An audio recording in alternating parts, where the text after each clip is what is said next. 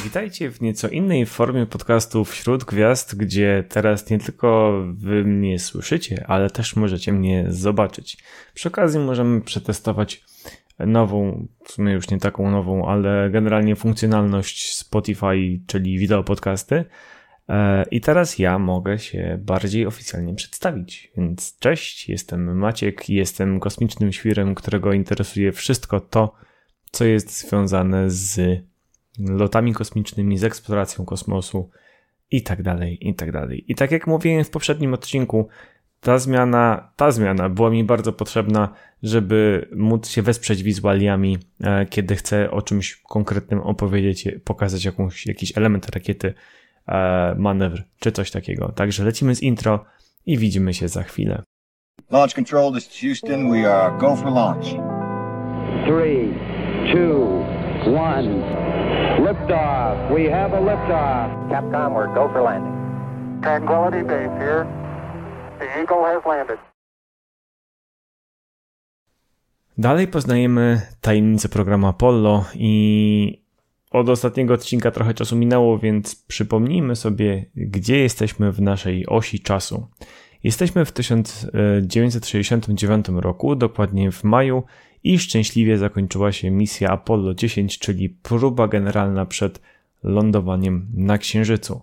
Mamy przetestowaną rakietę, statek kosmiczny, lądownik, wszystkie potrzebne systemy, radary, anteny i co tam jeszcze. Niestety nie było się bez problemów, no ale hej, no po to właśnie się testuje, po to przeprowadzamy te testy, żeby mieć tak dużą pewność, jak to jest możliwe, że ludzie tam bezpiecznie dolecą i stamtąd wrócą. I następnym krokiem jest już faktyczny lot na Księżyc. W końcu, po siedmiu latach od tego słynnego Moon Speech, po niezłomnej pracy setek tysięcy ludzi, wydanych miliardach dolarów, ośmiu latach próbnych i tragicznej śmierci trzech dzielnych astronautów, możemy w końcu powiedzieć tak. Jesteśmy gotowi, lecimy na Księżyc i tym razem na nim wylądujemy. Załogą podczas tej misji był Neil Armstrong jako dowódca, Edwin Buzz Aldrin jako pilot modułu księżycowego oraz Michael Collins jako pilot modułu dowodzenia. Pierwotnie plany na pilota modułu dowodzenia był nieco inny. To Collins miał lecieć w Apollo 8, a Jim Lovell miał być częścią księżycowej załogi. Jednak niedługo przed Apollo 8 Collins zaczął narzekać na bólu w nogach, I okazał się on być efektem, ten ból okazał się być efektem narośli e, między kręgami w kręgosłupie i wymagał operacji. Dlatego to Lovell poleciał w Apollo 8, a Collins wracał do siebie po przebytym zabiegu. Armstrong jako dowódca misji został poproszony o podjęcie decyzji, czy e, leci na księżyc z Collinsem, czy może z Lovellem? Bo Collins w NASA uchodził za osobę, która jest dosyć ciężka w obyciu, nazwijmy tak delikatnie. E, I, jedna, i Armstrong powiedział, że Collins mu nie przeszkadza i chciałby w sumie, e, żeby Lovell miał możliwość bycia dowódcą swojej misji, bo najwyraźniej jest jakiś schemat rotacji załogi, który definiuje kto kiedy jaką rolę może mieć podczas misji i szukałem jakiejś takiej bardziej sensownej informacji na ten temat jedyne co znalazłem to dość złożona grafika przydziałów do misji i roli od czasu programu Gemini, Gemini, Gemini aż do końca programu Apollo, czyli jakieś 12 lat. Z tego, co udało mi się wywnioskować, to załoga rezerwowa zostaje główną załogą dwie misje później, ale jakie są dokładnie tam jakieś rotacje wewnątrz tych załóg, e, to już nie jestem pewny. E, zachęcam do analizowania na własną rękę i dzielenia się rezultatami w komentarzach, czy gdzie tam chcecie. Lovell ostatecznie został dowódcą Apollo 13, ale o tym później. E, I w ogóle do niedawna byłbym dosyć mocno zdziwiony, że osoba po operacji kręgosłupa byłaby w stanie lecieć w kosmos. W końcu tam są ogromne przeciążenia i cały nasz układ, każdy układ jest bardzo mocno eksploatowany w takich e, momentach ale w 2021 roku e, w ramach prywatnej misji firmy SpaceX, czyli Inspiration 4, poleciała Hayley Arsenault, e, kobieta, która ma częściową protezę nogi. E, o tej misji też warto coś wspomnieć, więc powiem coś więcej przy okazji innego odcinka. I teraz, korzystając z dobrodziejstw wideo, opowiem trochę więcej o pojeździe, którym załoga doleciała na Księżyc. Mam tutaj ze sobą modern, mo, model Saturna 5 w skali 1 do 144, czyli jest 144 razy pomniejszony. I teraz, kiedy wiemy, że e, Saturn w rzeczywistości miał ponad 110 metrów wysokości, ten model konkretny ma 74 i faktycznie tyle ma, bo mierzyłem. I, teraz, i też zachowując proporcje w ogóle, e, skalę i tak dalej, przy tym, przy tej rakiecie człowiek byłby taki. Miał 1,80 m e, w tej skali ma niecały, ma tam około centymetra, czyli tak mały jest człowiek przy rakiecie, rakiecie Saturn 5. Jak mi nie wierzycie, to jeszcze dodatkowo wrzucam zdjęcie z tego e, z porównania. Jak mówiłem jakiś czas temu, Saturn składał się z trzech członów. Pierwszy człon S1C, który miał, był napędzany pięcioma silnikami F1 i ten moduł pozwalał na wyniesienie człowieka y, na orbitę ziemską, ale też nie do końca, bo potrzebował wsparcia drugiego członu S2, który był zasilany pięcioma silnikami J2 e, i ostatni, trzeci człon to był S4B, czyli moduł, który, dzięki któremu astronauci lecieli już, wykonywali TLI tak zwany, czyli przypomnę Translunar Injection, e, czyli lecieli w stronę Księżyca i był zasilany jednym silnikiem J2, który był przystosowany do lotów już właśnie do, do pracy w, w próżni. Tutaj jest SLA, czyli Spacecraft Lunar mm, Adapter, w nim sobie siedzi nasz lądownik księżycowy, o którym będę mówił później. Tutaj jest CSM, e, czyli e, Service, Command and Service Module, e, czyli ten moduł dowodzenia serwisowy, w którym sobie siedzieli astronauci i sobie lecieli. I na końcu nasz system ratunkowy, o którym też mówiłem jakiś czas temu. I ogólnie ta część, czyli moduł dowodzenia, moduł serwisowy, i ten lądownik tworzyły statek Apollo 11. Nie Apollo 11, tylko statek Apollo, e, a reszta Saturn 5 to była nazwa rakiety nośnej, tak żeby nie było żadnych niedomówień. Wartym uwagi jest fakt, że z całej tej wielkiej rakiety jedyne to, co wracało na Ziemię, to ten mały stożek. Pokażę w porównaniu do pierwszego członu. To jest to jest niewiele większe od człowieka tak naprawdę.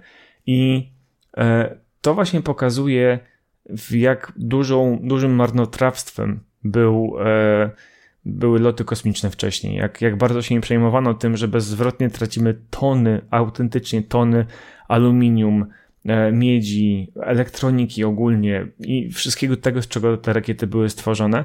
I dopiero SpaceX ze swoją rakietą Falcon odzyskuje większość tego, co leci, a inne firmy na szczęście starają się iść e, tymi śladami. Mm, ale jednak to nie jest wcale takie proste, bo ktoś kiedyś to porównał do przerzucenia ołówkiem Empire State Building w taki sposób, że, sposób, że ten ołówek ląduje na sztorc na ziemi po drugiej stronie. E... I właśnie. Jestem pewny, że zastanawialiście się, w jaki sposób w ogóle ta wielka rakieta docierała na platformę startową. Przypomnę, całość była składana w VAB i od tamtego czasu ona musiała być cały czas pionowo, nie było możliwości, żeby się przechyliła, bo nawet ten mój model, e, który wiadomo, że jest tak samo trwały jak sama rakieta, e, by się przewrócił, gdyby był bez żadnego podparcia kładziony czy podnoszony. I musiała być przetransportowana dokładnie w tym stanie około 3,5 mili, czyli ponad 5,5 km, 5,5 km, co nie jest małym wyzwaniem. Oba te obiekty, czyli e, VAB i miejsce, z którego startowała rakieta, połączone było szeroką drogą, która była odpowiednikiem ośmiopasmowej autostrady, po której poruszał się tak zwany crawler transporter. Był to ogromny, ważący ponad 2,7 tony pojazd gąsienicowy, który poruszał się dzięki 16 silnikom trakcyjnym, a one z kolei były zasilane przez cztery generatory o mocy 1000 kW każdy, a te generatory były zasilane w energię przez dwa silniki diesla, który każdy miał oszołamującą moc 2750 koni mechanicznych, czyli łącznie 5500 koni mechanicznych, jeżeli dobrze liczę tak w pamięci na szybkości, ale chyba szybko. Dobrze. Pomimo olbrzymiej mocy, jaką ten pojazd dysponował, jego maksymalna prędkość z ładunkiem wynosiła bagatela 1,6 km na godzinę. E, wydaje mi się, że niektórzy szybciej stoją niż ten pojazd jechał. E, także podróż zajmowała około 5 godzin. Saturn jechał na tym crawlerze razem z całą platformą i rusztowaniem, do którego był przymocowany, czyli w zasadzie cała infrastruktura naziemna jechała razem z tym crawlerem. E, I cały ten zespół ważył około 5,5 tysiąca ton. Pamiętamy, że tak, Saturn miał masę startowej 3000 ton, ale kiedy leciał, kiedy jechał na tą platformę startową, e, jego masa był niezatankowany, więc jego masa wynosiła około 200 ton tylko. E, po dojechaniu do miejsca startowego wszystko było przytwierdzane do gruntu, sprawdzane, czy wszystko siedzi jak należy. Podłączali szybko z łączkami paliwo, energię, gazy i co nie tylko. No i generalnie zaczynały się w tym momencie już te wszystkie operacje dookoła platformy startowej. Oczywiście podczas transportu w Saturnie ten był już też lądownik księżycowy, który trzeba było jakoś na potrzeby misji Apollo 11 nazwać. NASA, nauczona frywolnym podejściem i ogromną kreatywnością astronautów, w końcu wyciągnęła wnioski i zastępca kierownika do spraw publicznych, pan Julian Shear, wystosował pismo do kierownika biura statków programu Apollo, Georgia Lowe, z sugestią, żeby załoga była mniej nonszalancka w nazewnictwie, e, bo pierwotnie moduł dowodzenia, czyli, e, czyli przypomnę, właśnie cała ta Całe to nazywało się Snow Cone, czyli stożek śnieżny, a lem, którego w sumie nie pokazywałem, a lem miał nazwę e, Haystack, czyli stuk siana. Nazwy te obowiązywały przez dłuższy czas podczas planowania misji, aż, do, aż ostatecznie zmieniono je na w zasadzie godne pierwszego lądowania na Księżycu. Columbia dla modułu dowodzenia oraz Eagle dla lemu. O ile geneza nazwy drugiego statku jest dosyć prosta, bo na oficjalnej naszywce z misji narysowany był lądujący na Księżycu bilik amerykański, czyli e, jakby narodowe zwierzę Stanów Zjednoczonych, tak z tym pierwszym, z Kolumbią jest sprawa nieco ciekawsza, bym powiedział. Wspomniany wcześniej Shear zaproponował, żeby moduł dowodzenia miał swoją nazwę od Kolumbiadu, czyli wielkiej armaty, która w powieści Juliusza, Juliusza, Juliusza Verne z Ziemi na Księżyc wystrzeliwała statek kosmiczny swoją drogą też z Florydy, właśnie na Księżyc. I dodatkowo na początku Stany Zjednoczone miały nazwę Columbia i mm, Waszyngton, czyli stolica, stolica e, Stanów Zjednoczonych nazywa się Washington DC, czyli Washington District Columbia, a sam Michael Collins, czyli astronauta, który brał udział w tej misji, napisał, że było to też odniesienie do oficjalnego odkrywcy Ameryki, czyli do Krzysztofa Kolumba. Tak więc tym razem w nazwach statków kosmicznych jest dużo więcej symboliki, historii, ducha patriotyzmu i ogólnego patosu. Wszystko na platformie było już na miejscu i statek czekał na swoich pasażerów, czyli załogę. W dniu startu 16 lipca 1969 roku obie załogi, czyli główna i rezerwowa, zostały obudzone o godzinie czwartej. I to jest strasznie nieludzka godzina.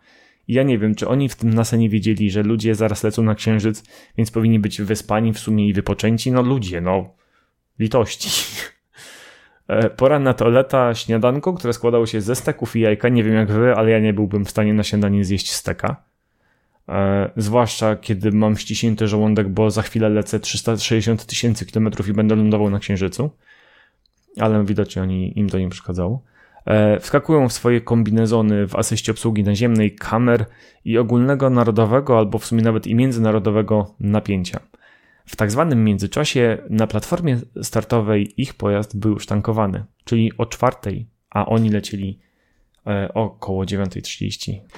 O 6.30, czyli około 3 godzin przed odlotem, załoga w pełnym rynsztunku wsiadła do tak zwanego Astrowana i wyruszyli w swoją ostatnią mm, ziemską, nazwijmy to podróż, e, samochodem w kierunku majestatycznie stojącej rakiety, która będzie im domem przez następne 8 dni. Domem, który pokazał, że pomimo wielu prób wciąż może stwarzać problemy i płatać figle, i dokładnie tak się stało tego dnia.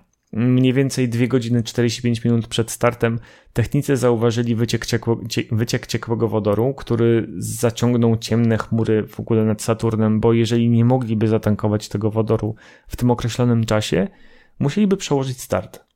E, ekipa serwisowa po upewnieniu się, że można bezpiecznie podejść do, do statku, bo jednak no, tankujemy ten statek, tę rakietę nie dość, że paliwem rakietowym, to jeszcze bardzo mocno schłodzonym paliwem, więc trzeba się upewnić, że możemy na pewno wejść w jego pobliże, e, kiedy są jakieś działania przy, dookoła niego. E, no i zabrała się za pracę ta ekipa. Po oględzinach stwierdzili, że w sumie dadzą radę to naprawić teraz na miejscu. E, tak zwana naprawa na miejscu. Jak ktoś pracował w asystancie, to będzie wiedział o co chodzi. E, I to dawało taki znak, że załogę można sadzać w ich fotelach w kapsule, że nic nie powinno się takiego wydarzyć. Problem z cieknącym wodorem naprawiono po 30 minutach w bardzo nietypowy sposób, bym powiedział, bo tak jak wcześniej wspomniałem, paliwo, które było tankowane, było kriogeniczne o temperaturach sięgających minus 253 stopnie Celsjusza. Minus 253, to jest prawie zero absolutne. A inne sposoby nie dawały skutku, e, więc technicy stwierdzili, że w sumie najlepiej będzie ten zawór zalać wodą, i pozwolić, żeby ta woda zamarzła dookoła tego wycieku. To na szczęście wyciek był spowodowany jakby po stronie platformy startowej, a nie faktycznie po stronie statku, więc nie było jakimś takim dużym problemem. E, I niesamowite, jak pomyśleli tak w ogóle poza schematami, nie? I start Apollo 11 był ogromnym wydarzeniem, którego chyba nikt nie chciał przegapić, e, przynajmniej w Stanach. I szacunki mówią, że na okolicznych plażach i autostradach zebrało się ponad milion ludzi, żeby oglądać ten start na żywo. W sumie nie dziwię się. Jesteśmy, znaczy oni wtedy byli świadkiem e, jakby początku podróży człowieka na Księżyc i to, to, to jest wydarzenie, które podejrzewam, że też bym z chęcią zobaczył na żywo, znaczy no jestem pewny. E, na miejscu była też cała śmietanka polityczna. Gubernatorzy Stanów, kongresmeni, wiceprezydent Stanów e, Spiro Agnew E, który oglądał start razem z byłym prezydentem Johnsonem, a aktualny prezydent Richard Nixon oglądał start ze swojego gabinetu w Białym Domu razem z astronautą i bohaterem trzeciego odcinka mojego podcastu, czyli z Frankiem Bormanem, który leciał w Apollo 8 razem z wspomnianym wcześniej Joelem. Lovelem. Tak, z Lovelem. Transmisja telewizyjna była prowadzona w 33 krajach z 20 5 milionami widzów w samych Stanach Zjednoczonych. Polska nie była e, wśród tych krajów, gdzie była prowadzona transmisja ze względów na sytuację polityczną w kraju. E, wspaniały PRL. E, na szczęście samo lądowanie było transmitowane, ale o tym trochę później. Saturn rozwinął swoje skrzydła równo o 9.32 czasu lokalnego i pomimo, że z technicznego punktu widzenia nie różnił się od wszystkich potrzebnych, Ładunek emocjonalny, jaki był na pokładzie rakiety, był niewiarygodnie wielki. Oto ludzkość wysyła trzech śmiałków, którzy mają postawić stopę na naszym naturalnym satelicie, który od wieków w zasadzie fascynował ludzi i, i był takim no, odwiecznym towarzyszem naszego nocnego nieba, a teraz my w tym momencie lecimy w jego stronę. Posłuchajmy teraz moment startu, gdzie wyraźnie słychać te emocje w głosie mówiących. Ci, co oglądają, mogą też zobaczyć początek podróży na Księżyc. 20 seconds and counting. T minus 15 seconds. Guidance is internal. 12, 11, 10, 9. Ignition sequence start. 6, 5, 4, 3, 2, 1, 0. All engine running. Liftoff. We have a liftoff. 32 minutes past the hour. Liftoff on Apollo 11. Tower cleared. Okay, we got a roll program. Neil Armstrong reporting the roll and pitch program, which puts Apollo 11 on a proper heading. Z uwagi na fakt, że lot Saturna przerobiliśmy już w poprzednich odcinkach, nie będę się teraz powtarzał, zwłaszcza, że ten lot był gładki jak jedwab. W trakcie podróży na Księżyc oczywiście były transmisje na Ziemię, gdzie astronauci pokazywali, jak zabawnie jest żyć w nieważkości, jak to się oni dobrze nie bawią, kiedy oddalali się coraz bardziej od Ziemi. Po wykonaniu TLI, czyli właśnie tego Translunar Injection, Michael Collins jako pilot modułu dowodzenia pochwycił orła z objęć trzeciego stopnia Saturna i ich drogi rozeszły się. Niepotrzebny człon poleciał w stronę heliocentrycznej orbity, a nasi śmiałkowie dzielni polecieli w stronę, e, w stronę Księżyca oczywiście. E, tak wyglądał zespół pojazdów, który, który leciał sobie. Oni się tak właśnie lecieli, tak? E, I powoli się obracali e, w ramach tego mm, pasywnego systemu kontroli cieplnej, o którym mówiłem jakiś czas temu, tym, tym barbecue roll. W pewnym momencie NASA chciała też przeprowadzić taki swoisty eksperyment, strzelając w załogę laserem z okolic El Paso w Teksasie i mieli nadzieję, że astronauci to zauważą, ale no niestety eksperyment nie wypalił. I teraz zróbmy taki szybki fast forward do gwoździa odcinka, czyli do przygotowań do zejścia na powierzchnię Księżyca.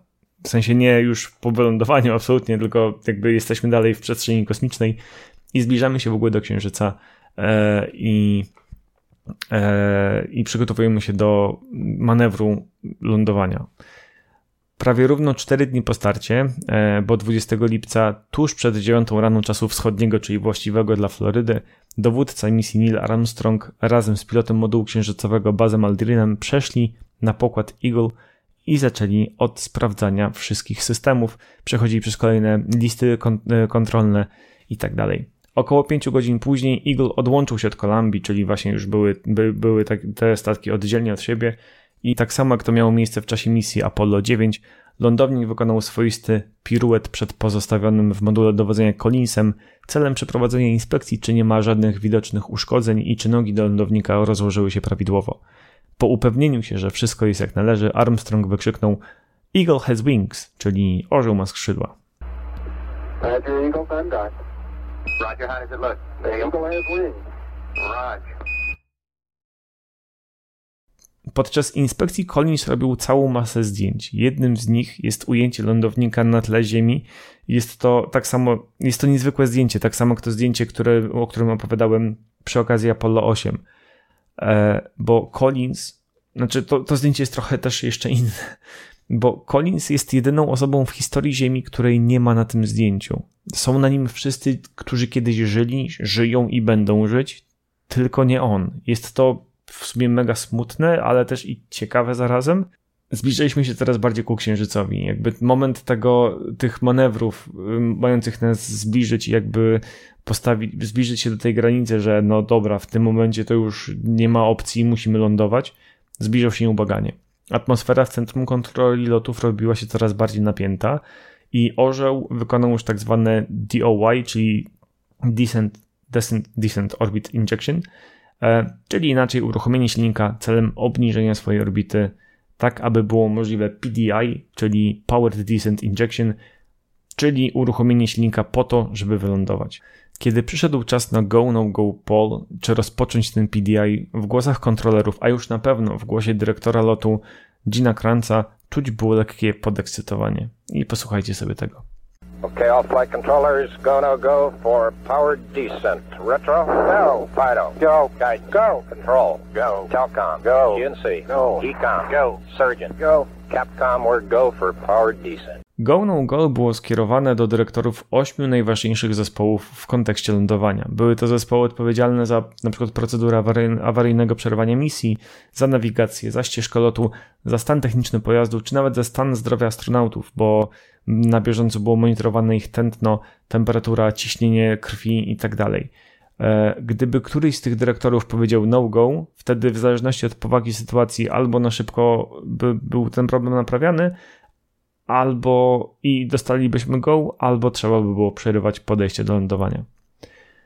Eagle w tym momencie był około 18 km nad powierzchnią Księżyca i cały czas się do niego zniżał.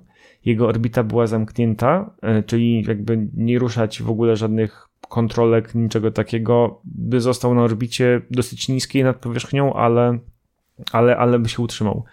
E, jednak 5 minut później silnik modułu opadania wystartował, zmieniając trajektorię lądownika na kolizyjną z Księżycem, czyli wbrew temu, co można by było pomyśleć sobie z nazwy tego, e, tej orbity, to jest to, co chcieliśmy osiągnąć. Po tym manewrze, jeśli coś by się stało z silnikami, astronauci by prawdopodobnie zginęli. Wszyscy obserwowali bacznie parametry lotu, żeby w razie czego anulować misję. Wymiana komunikatów była coraz bardziej nerwowa, zwłaszcza, że załoga Orła zwróciła uwagę, że mija poszczególne punkty odniesienia 3-4 sekundy wcześniej niż zakładał to plan misji. I nie wyobrażam sobie, jak dokładnie była zaplanowana ta misja, że nawet oni wiedzieli sekunda po sekundzie, kiedy, w jakim miejscu powinni być. Co oznaczało ten fakt, że się za, za, za wcześnie mijają te punkty, że lecą za szybko, więc muszą zużyć więcej paliwa na wytracenie tej prędkości. W świetle wydarzeń dyrektor misji zarządził kolejne go no goal, czy w ogóle astronauci mają kontynuować zniżanie, czy nie. Decyzja była pozytywna, więc lecimy.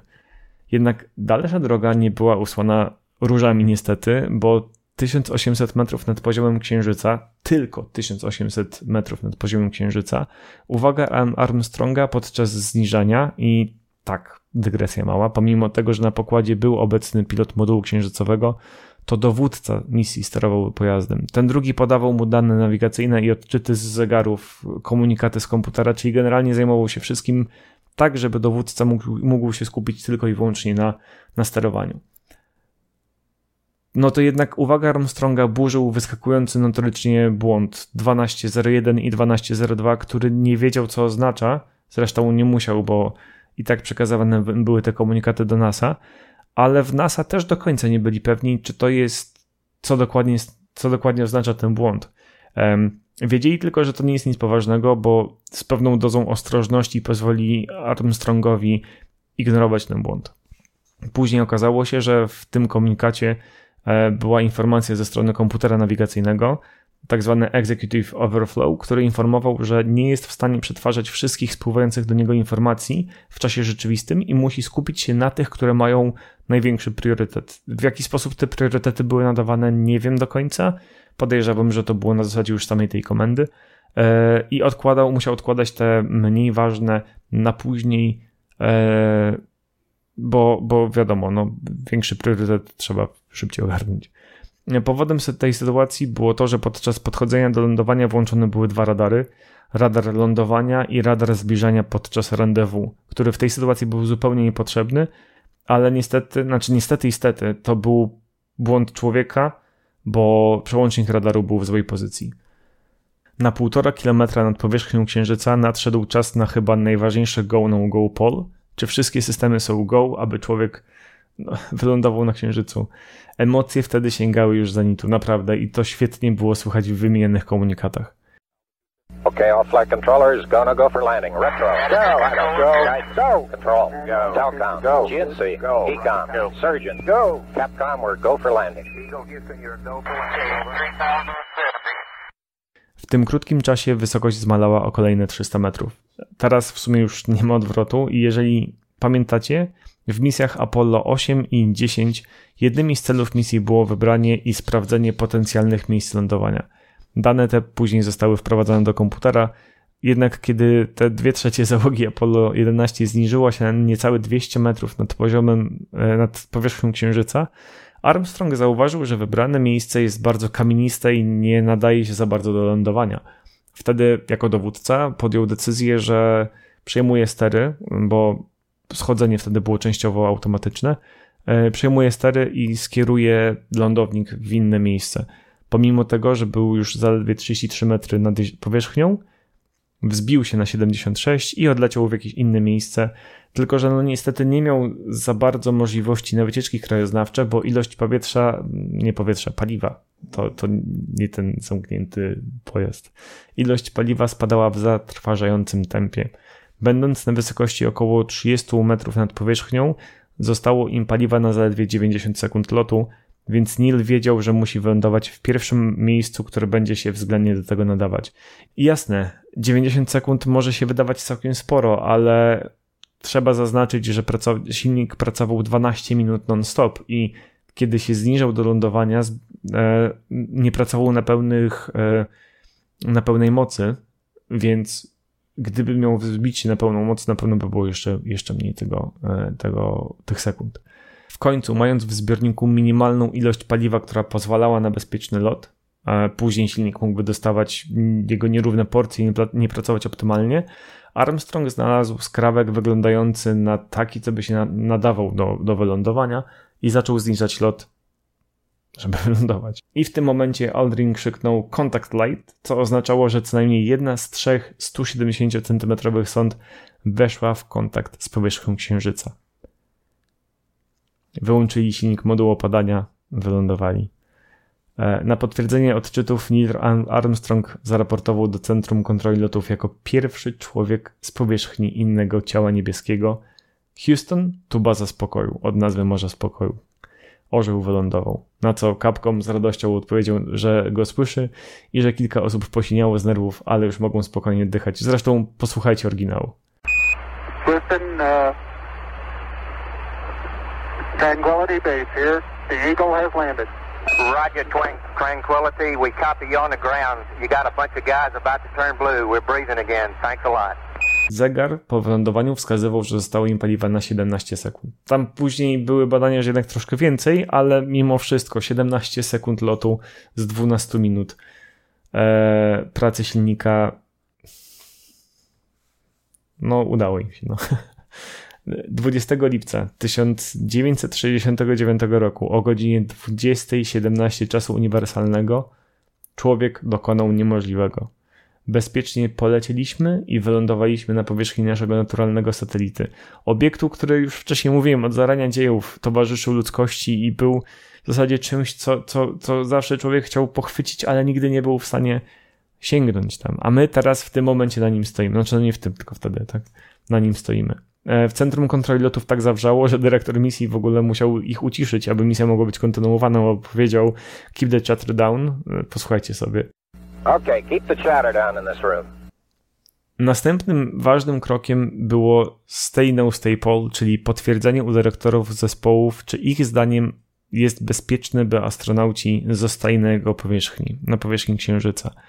W międzyczasie załoga na górze E, przygotowywała statek do natychmiastowego, natychmiastowego poderwania w razie jakby dostali komendę no stay, albo jakby oni zauważyli, że jest jakiś problem po wylądowaniu, na przykład, nie wiem, wyciek paliwa z modułu opadania, czy e, tonięcie lądownika w powierzchni Księżyca, bo w sumie do końca nie byliśmy pewni, jak stabilna jest powierzchnia Księżyca. Zastanawiam się tylko, i to jest takie mocno dojmujące uczucie, E, jak musiał czuć się Michael Collins, który samotnie orbitował Księżyc i słuchał, jak jego koledzy zbierają laury, lądując na jego powierzchni. Jasne, no na pewno się cieszył, na pewno czuł się częścią tego wszystkiego, ale podejrzewam, że gdzieś mogła być jakaś taka cząstka takiego rozczarowania, takiego smutku, że on nie jest wśród nich.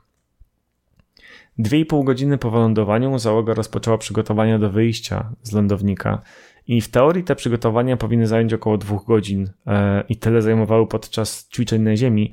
Jednak teraz astronauci nie mieli wszystkich rzeczy, mm, wszystkich potrzebnych rzeczy ładnie poukładanych, poskładanych i pod ręką, bo dopiero co jakby przeszli cały proces lądowania i sam lądownik był w, e, w warunkach e, nieważkości. I dopiero trzy godziny później Eagle był rozszczelniony, ubra- załoga była ubrana w skafandry do EVA, czyli PLSS, PLSS, Portable Life Support System. I no, w zasadzie człowiek w tym skafandrze był takim jednoosobowym statkiem kosmicznym. Przed właściwym zejściem po drabinie lądownika Armstrong odblokował i włączył kamerę, która przekazywała obraz na Ziemię. Wtedy to mm, miała miejsce ogólnoświatowa transmisja człowieka z powierzchni Księżyca. I w, roku 1969 na Ziemi żyło niecałe 4 miliardy ludzi, mm, więc dużo mniej niż, niż obecnie. E, I a szacuje się, że transmisję oglądało ponad 650 milionów osób, czyli oglądalność mieli w sumie całkiem niezłą. I nawet w komunistycznej Polsce można było obejrzeć to lądowanie. I co ciekawe w ogóle, nasz kraj był jedynym w całym bloku wschodnim, który emitował to wydarzenie. Ale wracając, po zejściu z tych dziewięciu szczebelków drabiny, która nie była w stanie utrzymać wagi człowieka na ziemi, Armstrong został chwilę na stopie lądownika, oceniając jak nogi zachowały się przy lądowaniu. E, później opisał, jak wygląda materiał skalny powierzchni Księżyca, aż w końcu wypowiedział słynne słowa, których nawet nie muszę tłumaczyć. One.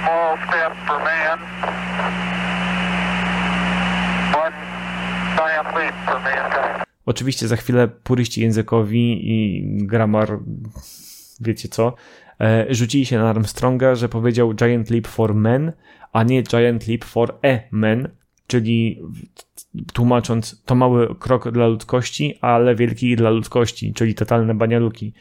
E, no, w wyniku, wyszło, że w wyniku zakłóceń, na, w końcu to było w 69 roku i oni byli 300 tysięcy kilometrów od Ziemi i akcentu Armstronga, który był z Ohio, e, to felerne E nie było słyszalne.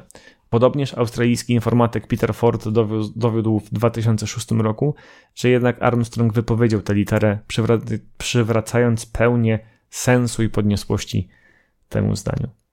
Jak wcześniej wspomniałem, całość była nagrywana kamerą, jednak ta kamera nie nadawała się do transmitowania obrazu ze względu na to, że to było tak zwane SSTV, czyli Slow Scan Television.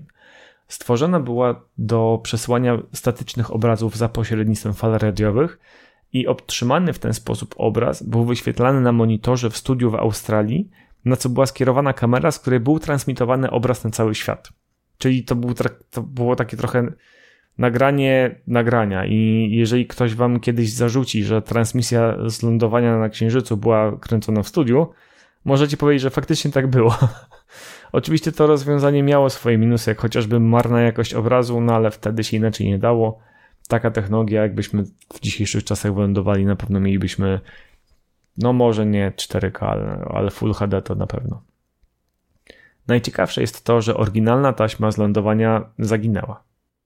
We wczesnych latach 2000 grupa emerytowanych pracowników NASA starała się znaleźć brakujące taśmy i po kilku latach okazało się, że w latach 80. ktoś usunął te nagrania i nadpisał je innym materiałem z powodu braku dostępności taśm w agencji.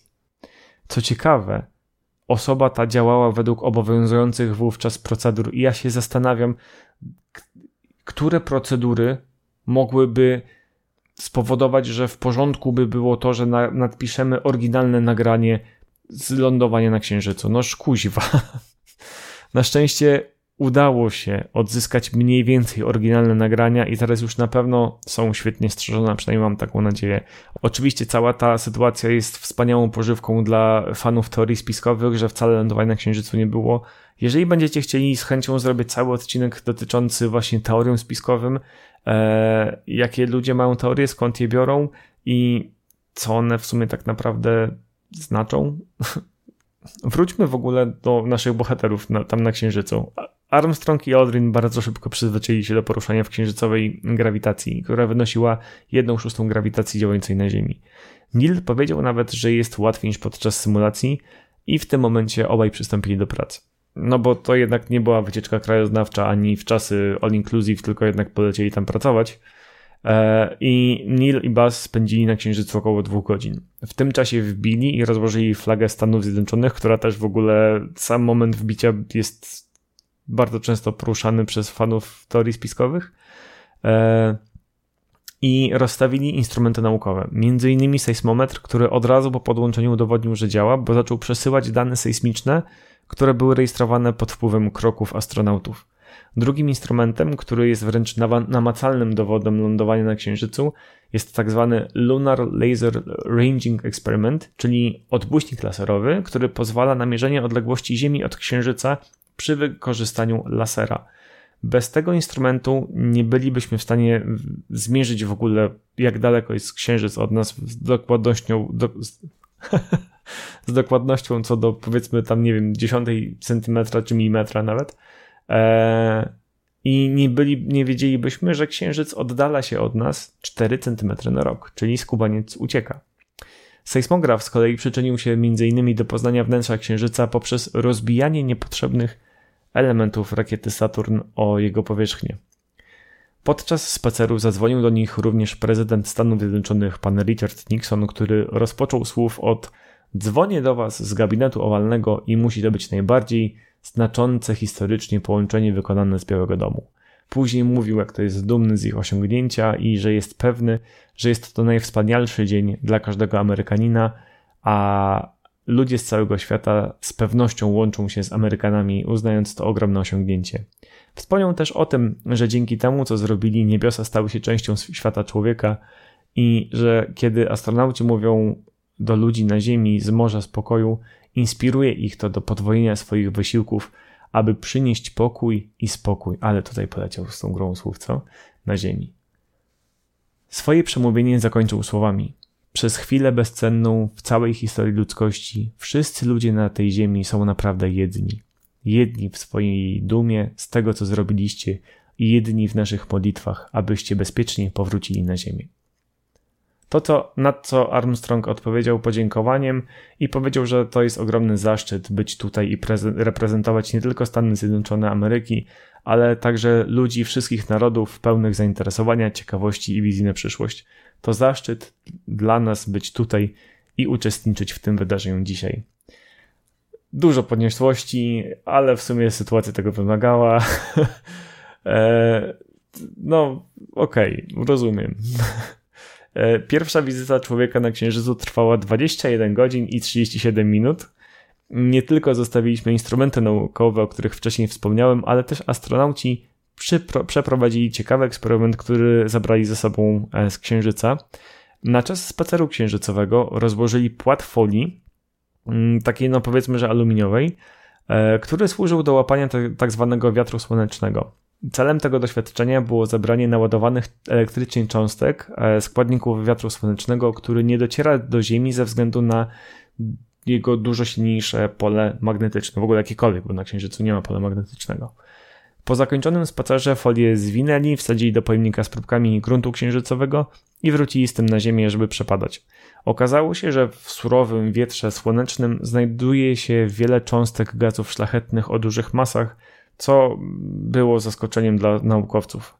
E, no i właśnie, zebraliśmy z Księżyca nieco ponad 21 kg e, skał księżycowych e, i po powrocie te próbki zostały przekazane 106 naukowcom ze Stanów Zjednoczonych i 36 badaczom z 8 różnych krajów, ale niestety nie byłem w stanie sprawdzić, którego kraje, które kraje dostąpiły takiego zaszczytu. No i czas wracać do domu. E, na szczęście nic nie stało na przeszkodzie, żeby wrócić. Gdyby tak jednak nie było, gdyby były jakieś problemy i astronauci musieliby zostać na powierzchni Księżyca, prezydent Stanów Zjednoczonych miał przygotowaną przemowę na taką ewentualność i brzmi ona następująco. Z rządzeniem losu ludzie, którzy wyruszyli na Księżyc, by w pokoju go badać, pozostaną na nim, by spocząć w pokoju.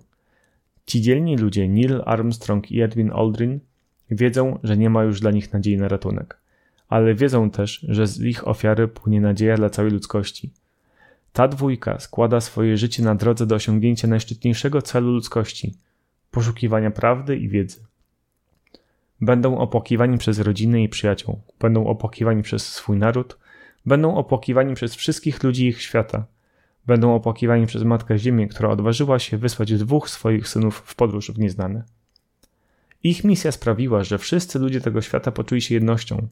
Ich ofiara umocni braterstwo ludzkości. Starożytni spoglądali w gwiazdy i widzieli w ich konstacjach swoich bohaterów. Dziś czynimy to samo, lecz nasi bohaterowie to dzielni ludzie z krwi i kości.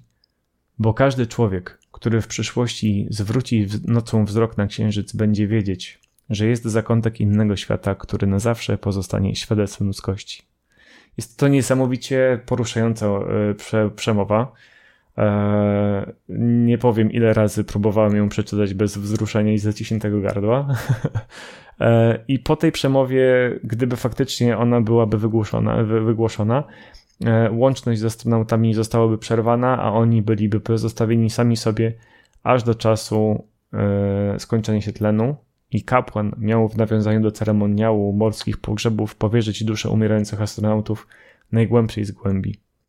Michael Collins po wielu latach zwierzył się, że jego największym strachem podczas misji było to, że będzie musiał wracać sam na Ziemię. Ja mu się zupełnie nie dziwię. To musiałoby być ogromne, ogromne obciążenie psychiczne. Eee, I uprzedzając pytania, nie wiem czy w ogóle takie by były, astronauci nie mieli ze sobą żadnych tabletek samobójek ani niczego takiego, po prostu musieliby że tak powiem, na klatę przyjąć e, to, że no, po prostu umrą. Po powrocie do lądownika mało brakowało, a tekst tej przemowy zostałby użyty. Buzz Aldrin, przemieszczając się po wnętrzu lądownika, uszkodził bezpiecznik wyłączający e, silnik modułu wznoszenia i stwarzało to ogromne zagrożenie dla misji, bo gdyby nie byli w stanie wyłączyć tego modułu wznoszenia, no to by ich wywiało gdzieś w kosmos. E, jednak naprawa okazała się być dużo bardziej, znaczy, jednak naprawa okazała się być bardzo banalna. Użyli zatyczki Mazaka, żeby zastąpić ułamany element i to po prostu była improwizacja na najwyższym poziomie. W sumie była na księżycu, nie? No i dobrze. Nareszcie odpalamy nigdy nie testowany silnik modułu wznoszenia i zostawiamy naszego satelitę, ale w sumie nie na długo, bo niedługo będzie Apollo 12. Lecimy w stronę Kolumbii i czekającego na resztę załogi Collinsa. Na księżycu po dzień dzisiejszy stoi dzielnie moduł opadania z tabliczką, na której widnieje napis w tym miejscu ludzie z planety Ziemia po raz pierwszy postawili stopę na księżycu. Lipiec 1969 przybywamy w pokoju dla dobra całej ludzkości. Trochę mnie to bawi w ogóle, te wszystkie teksty, zwłaszcza Nixona w momencie rozmowy telefonicznej, że, że dzięki temu, co ludzie zrobili, to oni się tam łączą w pokoju i tak dalej, i że, że oni przybywają w pokoju. Y, robią wszystko dla pokoju, a ten pokój na Ziemi w zasadzie nigdy nie był osiągnięty.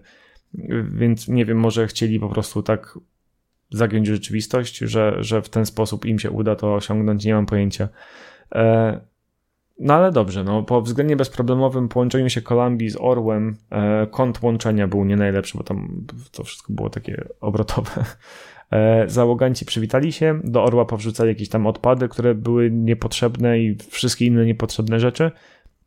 Odłączyli ten moduł od Kolumbii i orzeł został skierowany w stronę Księżyca, żeby tam się rozbił i żeby NASA dostała bardzo istotne dane dotyczące e, tego, jak się fale sejsmo, sejsmiczne roz, rozstawia, roz, rozchodzą po Księżycu. I od teraz już nie ma ani Kolumbii, ani Orła. Jedyna nazwa wywoływawcza to w tym momencie Apollo 11.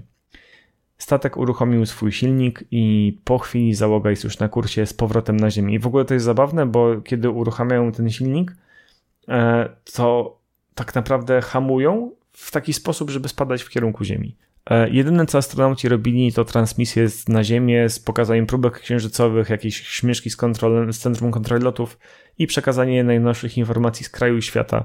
I w ogóle uroczym faktem jest to, że mieszkańcy zachodniej części Stanów Zjednoczonych zaplanowali aukcję, akcje, nie aukcje, akcje włączenia jak największej ilości świateł między 21 a północą w dniu, kiedy oni mieli lądować, żeby pokierować ich do domu. No, cute as fuck.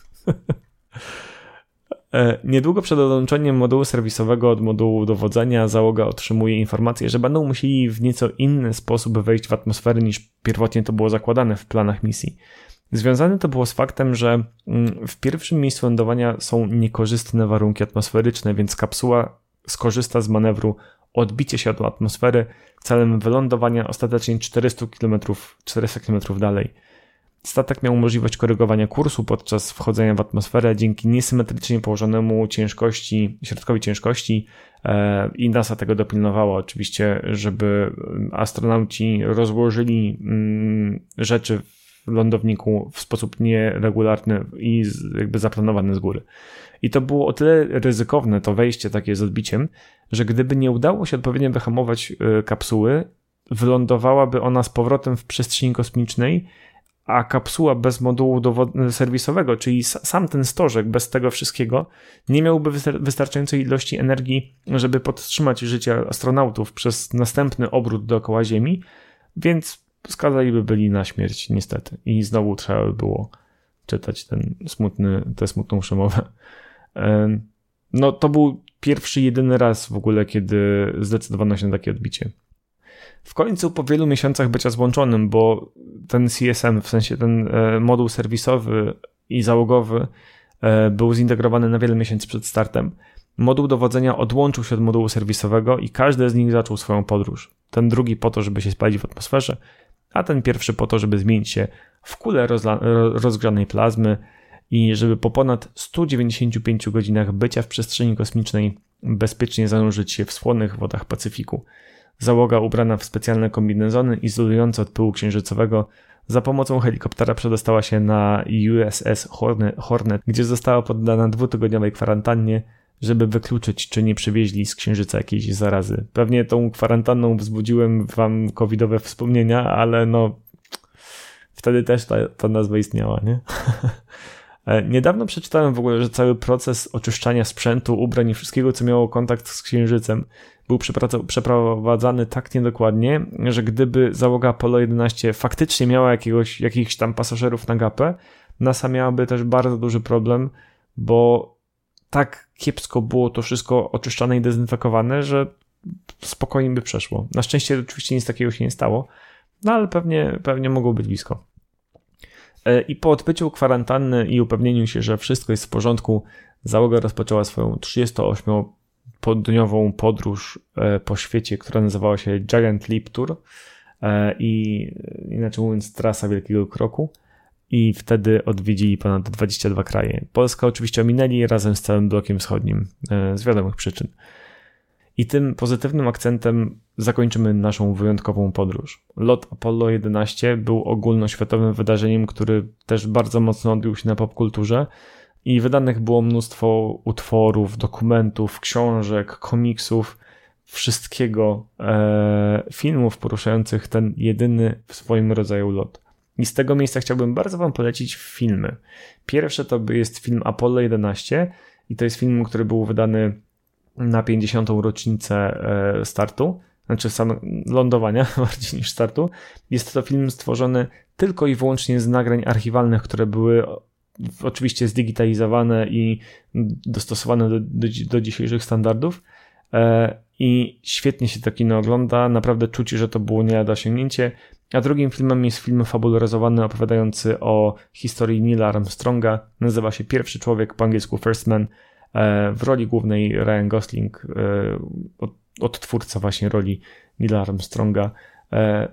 E, bardzo fajne kino. Super zabiegi, niektóre były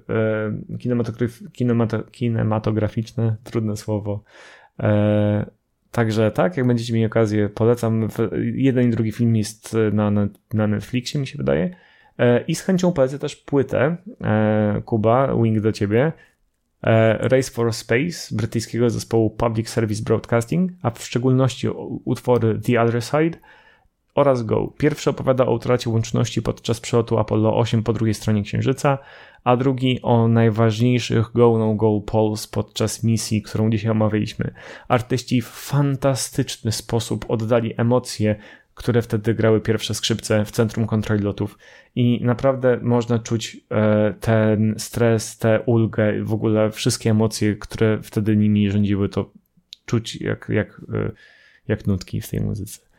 I teraz już naprawdę kończę. To była wielka przyjemność móc Wam opowiedzieć o tej e, misji wyjątkowej. Wiem, że wiele rzeczy pominąłem, pewne fakty i wydarzenia skróciłem czy uprościłem, ale też nie chciałem przedłużać i tak bardzo, bardzo długiego odcinka. Jeżeli chcielibyście, żebym jakiś ten temat zgłębił, chociażby sam fakt tego, e, tych teorii spiskowych, dajcie znać, z chęcią to zrobię. Jak zawsze jestem do Waszej dyspozycji w komentarzach, w mailach na wśród gwiazd podcast.gmail.com i prywatnie do osób, które znają prywatnie. E, ja dziękuję za wytrzymanie ze mną tyle czasu. Do usłyszenia i zobaczenia następnym razem. Mam nadzieję, że ta forma podcastu Wam się spodobała. Dajcie koniecznie znać, co o tym myślicie. Ja tymczasem się odmeldowuję. Cześć.